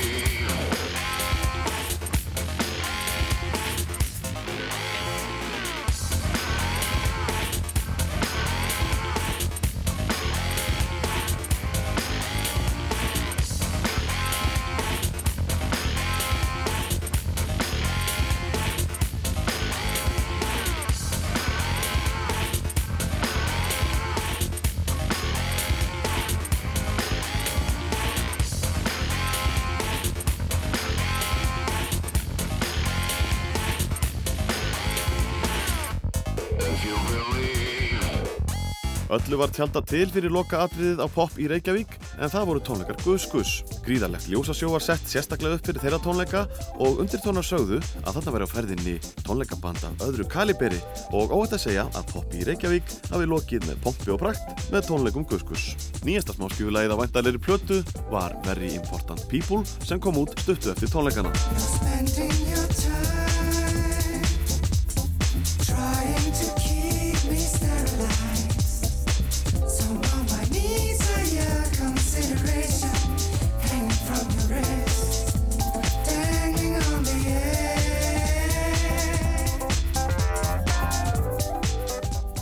Við fórum út í það mikið að hérna, gera endurhljóðblandin fyrir aðra. Gerum mjög mikið af því og það var mjög góð tekjupóstur. Kanski það sem að fór hæst var sennilega endurhljóðblandin á læginu Only When I Lose Myself með Deepheads Mode sem kom út þarna á þessum tíma.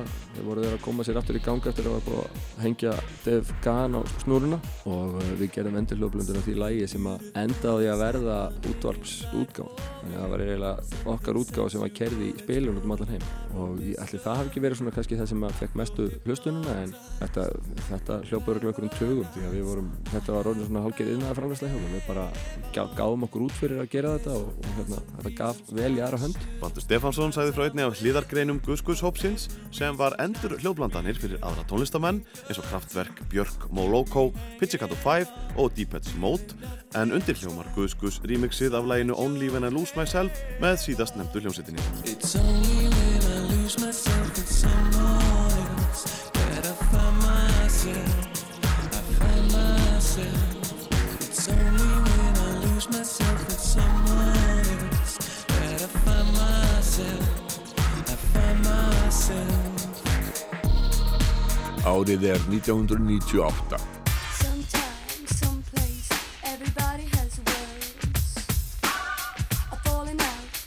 Up.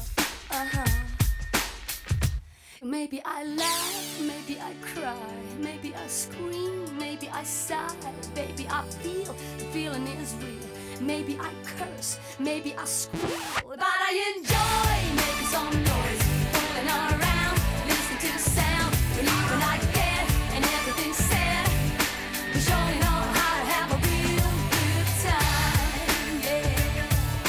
og það er nefnilega svolítið fyndið að fólk heldur alltaf að um leiðum maður kannski fær svona hitt að það skeiði bara yfir nóttu en það tók náttúrulega mörg ár að komast þanga.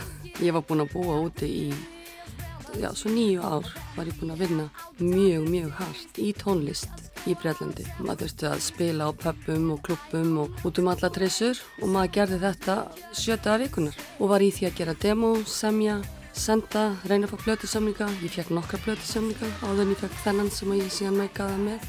En þetta er bara svona, það er ekki nóg að hafa bara eitt plötusamling, það eru svo margir linkar sem verða að vera réttir á réttum tíma.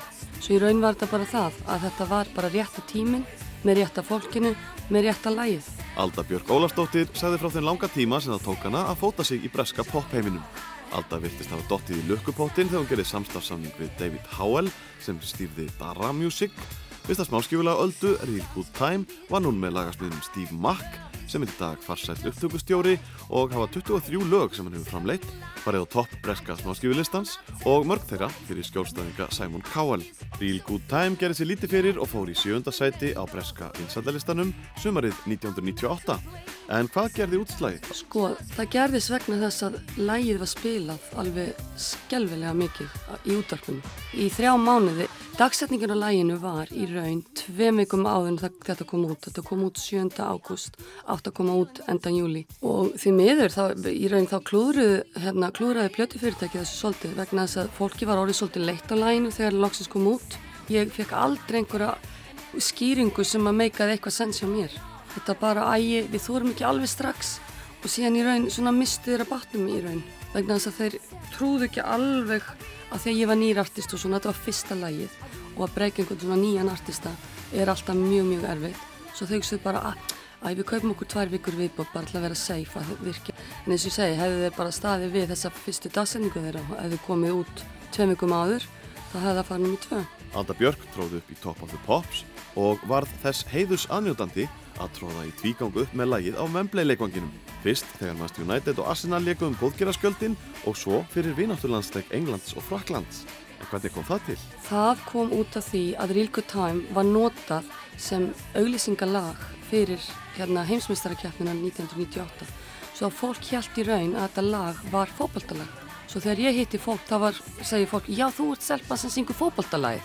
Sem þetta var ekkert skrifað fyrir fókbaltan, það var bara þegar þeir ákveðu út af þessu sentimenti sem er náttúrulega er í lænu, Real Good Time. Svo þeir notuðu þetta bæði í útvarpinu og sjómarpinu til að auglýsa heimsmyndstarakjapnina. Hamagangurinn var svo mikill að Alda gerði þau mistök að undirrita bráðabyrðarsamning þar sem hún samtykti meðal annars að David Howell ætti nafnið Alda og að hún mætti ekki nota sitt eigið skýrnarnafn ef samstarfi þeirra líki. Á sama tíma voru lögfræðingar hennar og Howell að vinna að endanlegum samningi.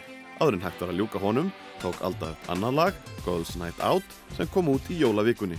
Lægið seldist í um 200.000 eintökum eins og Real Good Time en náðu ekki nema 20. sæti en það var samkeppnin gríðarleg á jólamarkanum. So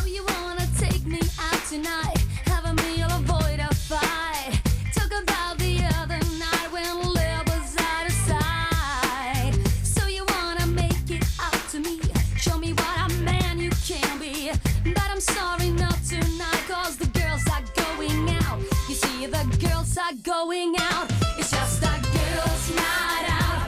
We'll have fun and scream and shout. It's time for us to have a night without a man or boy inside. It's just a girls' night out.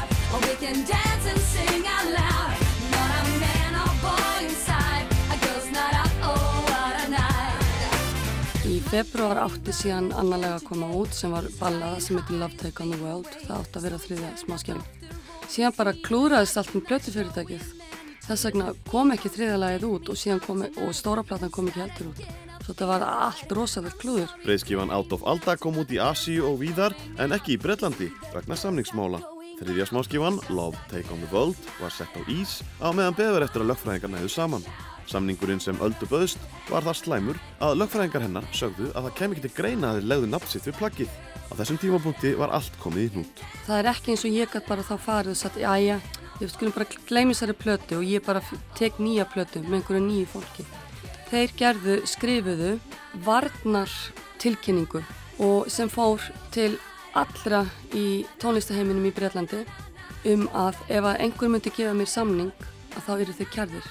svo að enginn þorði að gefa mér nýjan samning svo ég fekk aldrei nýjan samning út af þessu svo í dag ég hugsa að þetta er bara algjörlega út í hægt og ég skil ekki hvernig ég leti þetta bara ske svona. En ég náttúrulega var með umbásmann sem að rálaði mér og þetta, það voru fundir fram og tilbaka og fram og tilbaka og hann sagðist alltaf bara þá að fá nýjan samning fyrir mig í Ameríku og var að vinna í því og svona.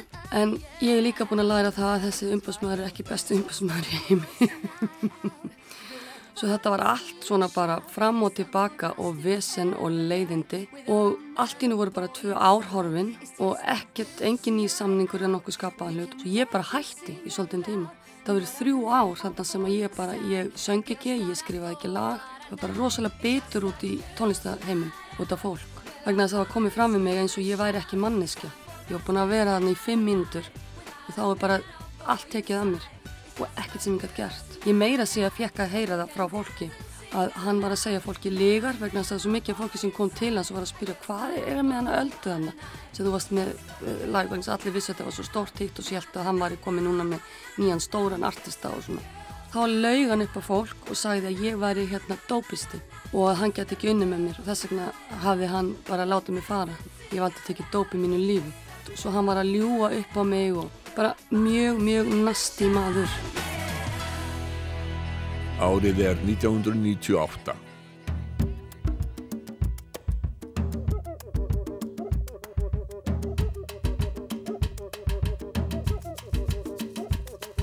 Ég loga allur af lost og funa og losa fyllt um nátt og runa en það er einn heljar hengur á sem ég hyggst nú segja ykkur frá Ég dansa sjaldan og djamma lítið.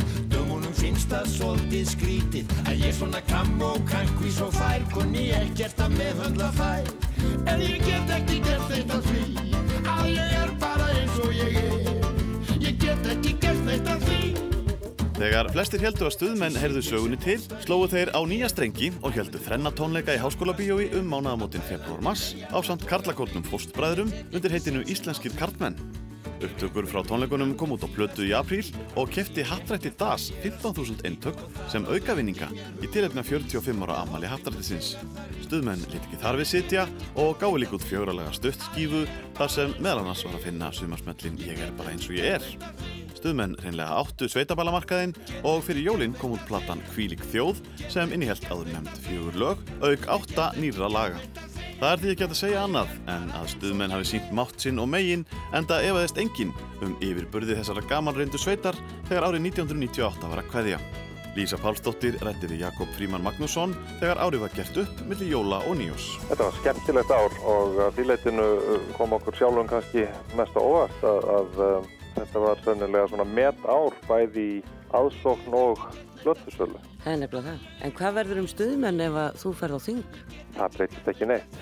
Eh, Þetta síðasta ár var í sjálfur eins konar upphittun fyrir þetta ár sem er nú svona hefur nú alltaf verið í okkar hugum svona kannski einhvers konar uh, hámaks ár, einhvers konar klímaks ár. Við ætlum að gera aldamót og plötu sem er þegar byrjað að endurbúa og uh, við ætlum ekki að gefa út plötu í sumar, við ætlum að gefa út plötur í sumar og síðan ætlum við að gefa út aldamóta plötu einhvern tíðan í loka ársins og standa síðan að á samt fleirum aldamóta fagnaði hátíð í lögadalsöll.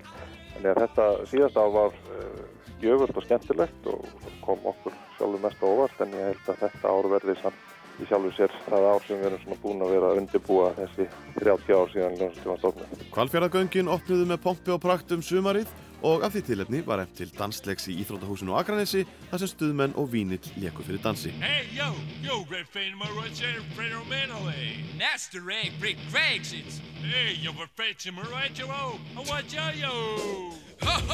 Saber action off the ramps of toe. Hey, yo, mo,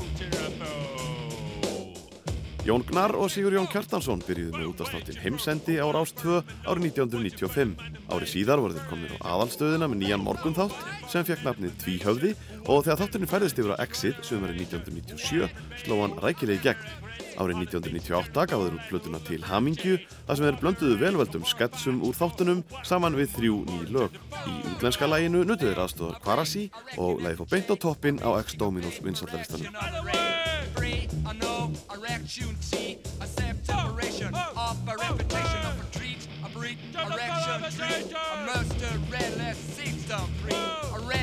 separation of a reputation of a treat, a breed, erection, treat, a murder, rapper record a liquor reputation, rapper reputation, chick suit, a ray, a member record cheat, a liquor referendum, a rest you pray, a chew, a rat, a reaction dread, a rap DP for election dread.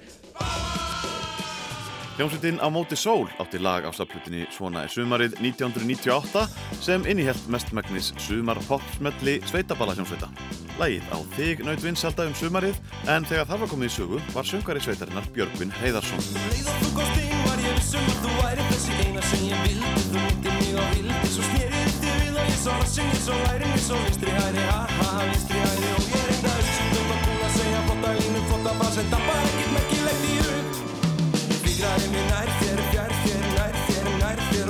Þetta bjargi Þú ansaðir hættu, farðu, þeyðu og sestu Og hætta að upp á mig.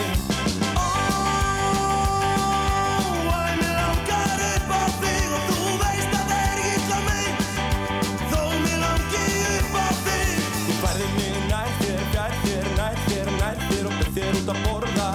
Þú öskaðir hættu, farðu, þeyðu og sestu og hætta að bast upp á mig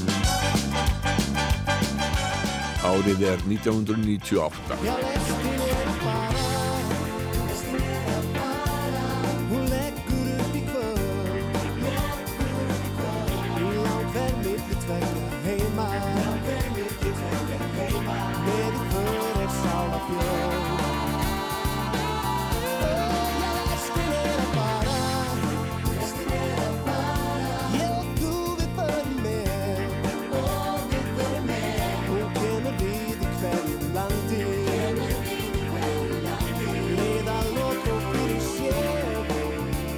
Við vorum lengi í vandræði með trommuleikara, það var svona einna helst að þeir rukk úr skaftinu og við vorum búin að hafa það nokkura frá upphafi, sennilega fimm stykki. Þáka til loksins 98 að, að hérna, okkur lánaðist að fanga trimbil sem að var til í að vera með okkur eitthvað áfram.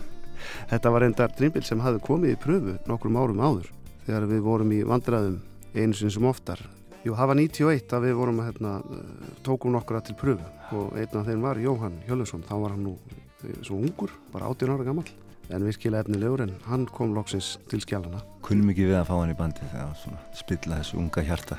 Ég hefði kynst Jóa, við höfum verið að spila saman hérna í svona pöpabandi hérna áður og byrjuð að vera alveg brilljant músikant og mjög músikalskur, þá er hann svo skemmtilegu líka. Það var kannski það svona sem langaði að svona haft það svolítið skemmtilegt þarna kringum sinnipartinu af síðustu öll. Þannig að það hefur verið svolítið átök og svona vesinni sko.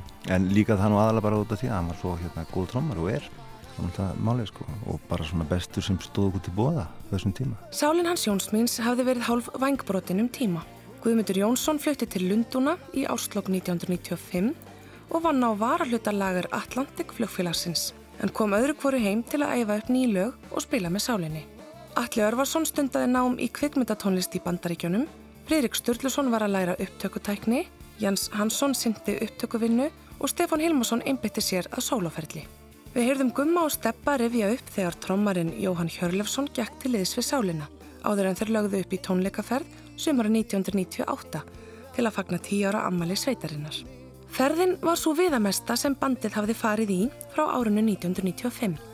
Þrjú ný lög, stjörnur, allt eða ekki neitt og svartir fingur voru tekin upp og komu út á tvöfaldri sapnútgáfu sem fekk að sjálfsögðu nafnið Guldna hliðið. Fridrik Sturluson bassaleikari samti texta lagsins Orginal sem kom upprunalega út á bandalög 8 um sömarið og þar söng Gummi Jóns með steppa en hann hafði engungu rattað með honum fram að þessu. Það er ekki nóg að hafa sannanir staðrindin Þó þú þykist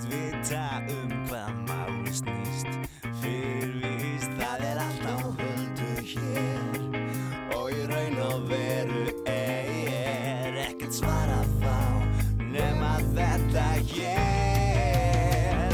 Ég er bara ég. Þú er bara þú. Ég er bara mynd Ég spegir mynd af þér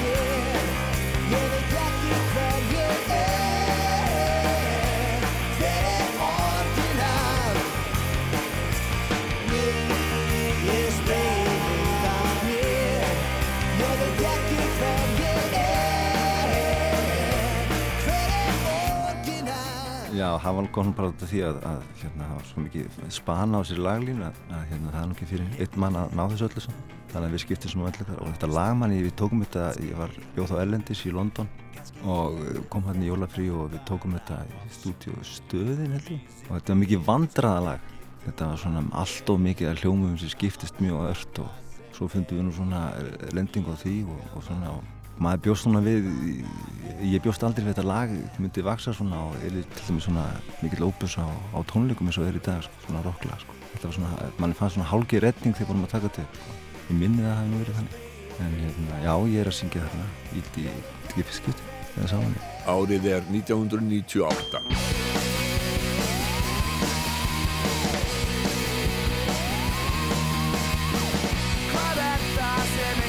Hvað segir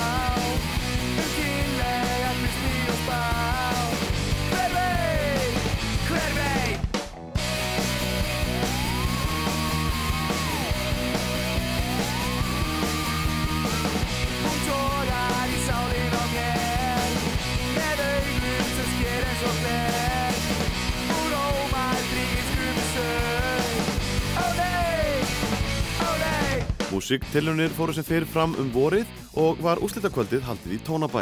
Haffiskasveitin Steiner stóð uppi sem sigurvegari, rockararnir í Bísund með útvarsmannin Andra Frey Viðarsson í farabróti var í öðru sæti og drum and bass sveitin Matt Methods í þriðja. Rafn Jónsson tók sigursveitina upp á sína arma og við heyrum brot úr læginu Sue er Side með Steiner sem var gefið út á saflutunni Flugan 1 sem útgáðu fyrirtæki hans Error Music gaf út um haustið. Meðal annara hljómsveita á flugunni voru Botleðja, Stólia og Woofer sem höfðu allar gert það gott í músiktilunum og þarna var líka duettinn Ampop að stíga sín fyrstu skref og áttu Kjartan Ólafsson og Birgir Hilmarsson tvö lög á plötunni og annað þeirra hétt einfallega Ampop. Það var fyrsta lægi sem við söndu saman og af því þeim félögum fannst útkoman vera poppuð ambient tónlist ákvaða þeir að gefa læginu nafnið Ampop. Eftir að hafa leitað nafni á hljómsveitinni í dágóðan tíma var svo ákveðið að leita ekki langt yfir skamt og duettinn fekk líka nafnið Ampop.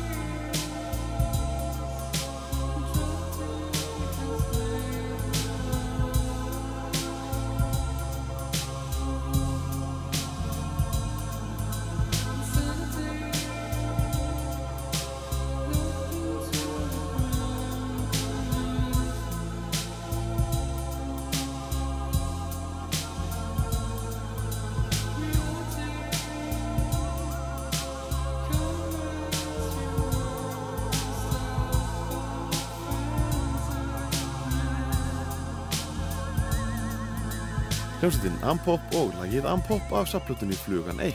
Hinn 14 ára Þórun Antonia hvati sér einni hljóðs á sömu plötu með læginu Children of Love, Rivers of My Mind eftir föðu sinn Magnús Þór Sigmundsson.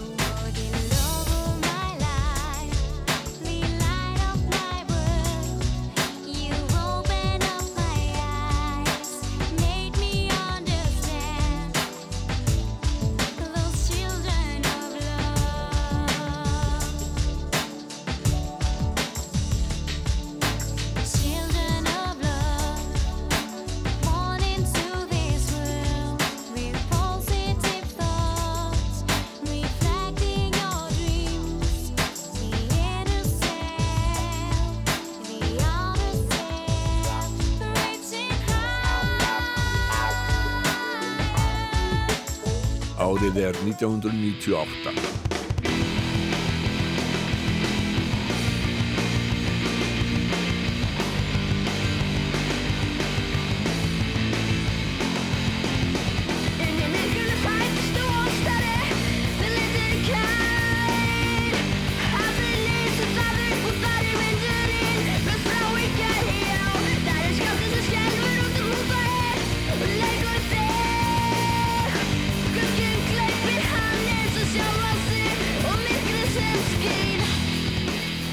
Hljómsveitin Rennireið fekk sérstök velun sem efnilegasta sveitin á músiktilunum en fórsbrakkin var hinn 11 ára gamli Ragnar Solberg, sonur Raps Jónssonar.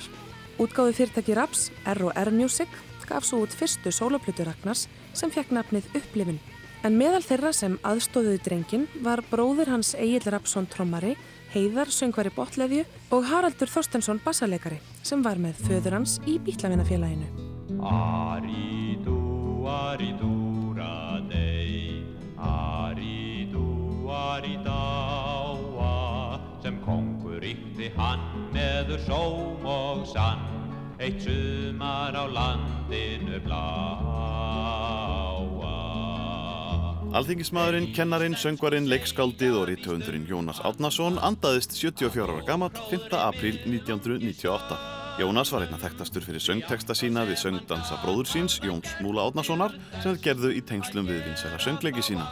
Jónas samti jafnframt fjölmarga teksta við erlenda sjómanasöngva og þjóðlög sem þrjúapalli sungu inn á hljómplutur. Leikrit Jónasar þið muniðan Jörund naut fádæma vinselda þegar það var frumsýnt og þar mátti heyra þrjú á palli syngja um eitt sumar á landinu bláa.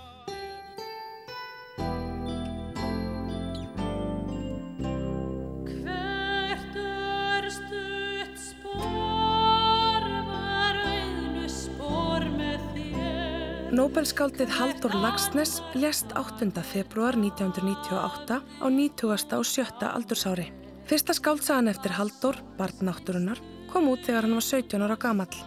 Hann var afkastamikið skáld og hlaut Nóbelsvelunin í bókmyndum árið 1955. Hann skrifaði einnig bladagreinar um ímis málefni og oft voru skrifin langt á undan hans samtíð og ollustundum deilum meða landsmanna. Haldur Lagsnes og fjölskylda hans byggu að gljúrasteini í landi Lagsnes ofarlega í Mósfellsdal og þar er samt til minningar um skáldið sem var opnað árið 2004. Hér heyrum við Dittu syngja lægið hvert östutt spór við ljóð Haldurs úr leikritinu Silfurtunglinu.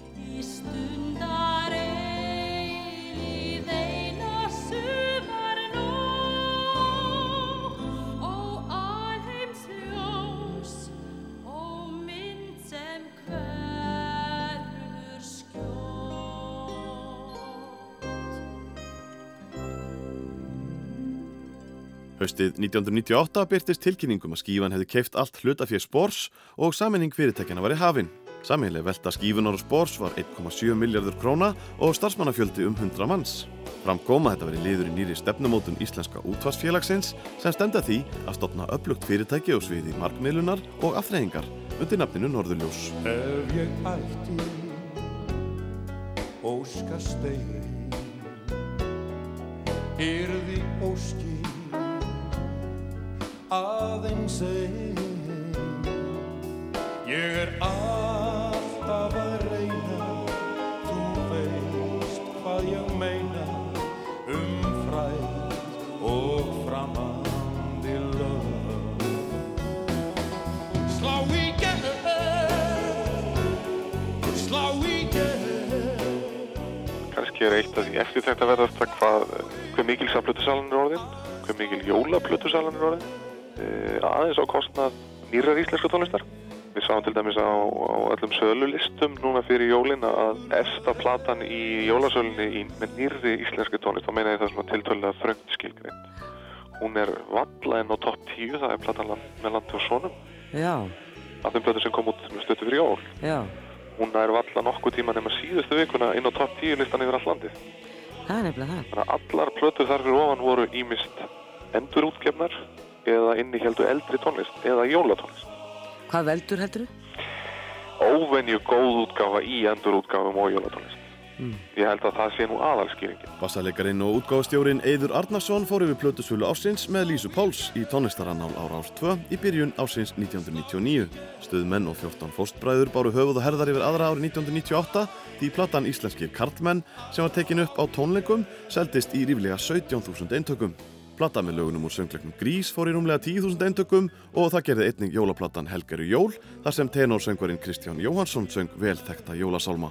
Meðal annara platna sem náðu vel yfir gullplötumarkið og seldust í meirinn 5.000 eintökum má nefna nákvæmlega með skítamóral, klassík með dittu og staflutuna gullna hliðið með sálinni hans Jónsmins. Og þá er árið 1998 senn á enda. Ég heiti Sigriður Tollasíus. Umsjónumenn þáttarins eru Ásker Eithúrsson og Gunnlaugur Jónsson og Jónatan Garðarsson aðstóðaði við handritskerð. Í næsta þætti skoðum við íslenska tónlistarárið 1999 en við endum á Möggustínu. Margaret Kristin Blöndal hafi verið í risaðilunni en það hefði lítið heist frá henni þegar hún gaf út sólaplötuna en album árið 1998. Útgáfi fyrirtækið IR sem var í eigu Bjarkar og Derek Berkett í One Little Indian gaf út plötuna. Magga Stína og hljómsveitin Byggarmeistararnir hittuð upp fyrir Björk á nokkrum tónleikum á árinu. Lægið Naturally með Möggustínu lokar árinu 1998. Takk fyrir að hlusta.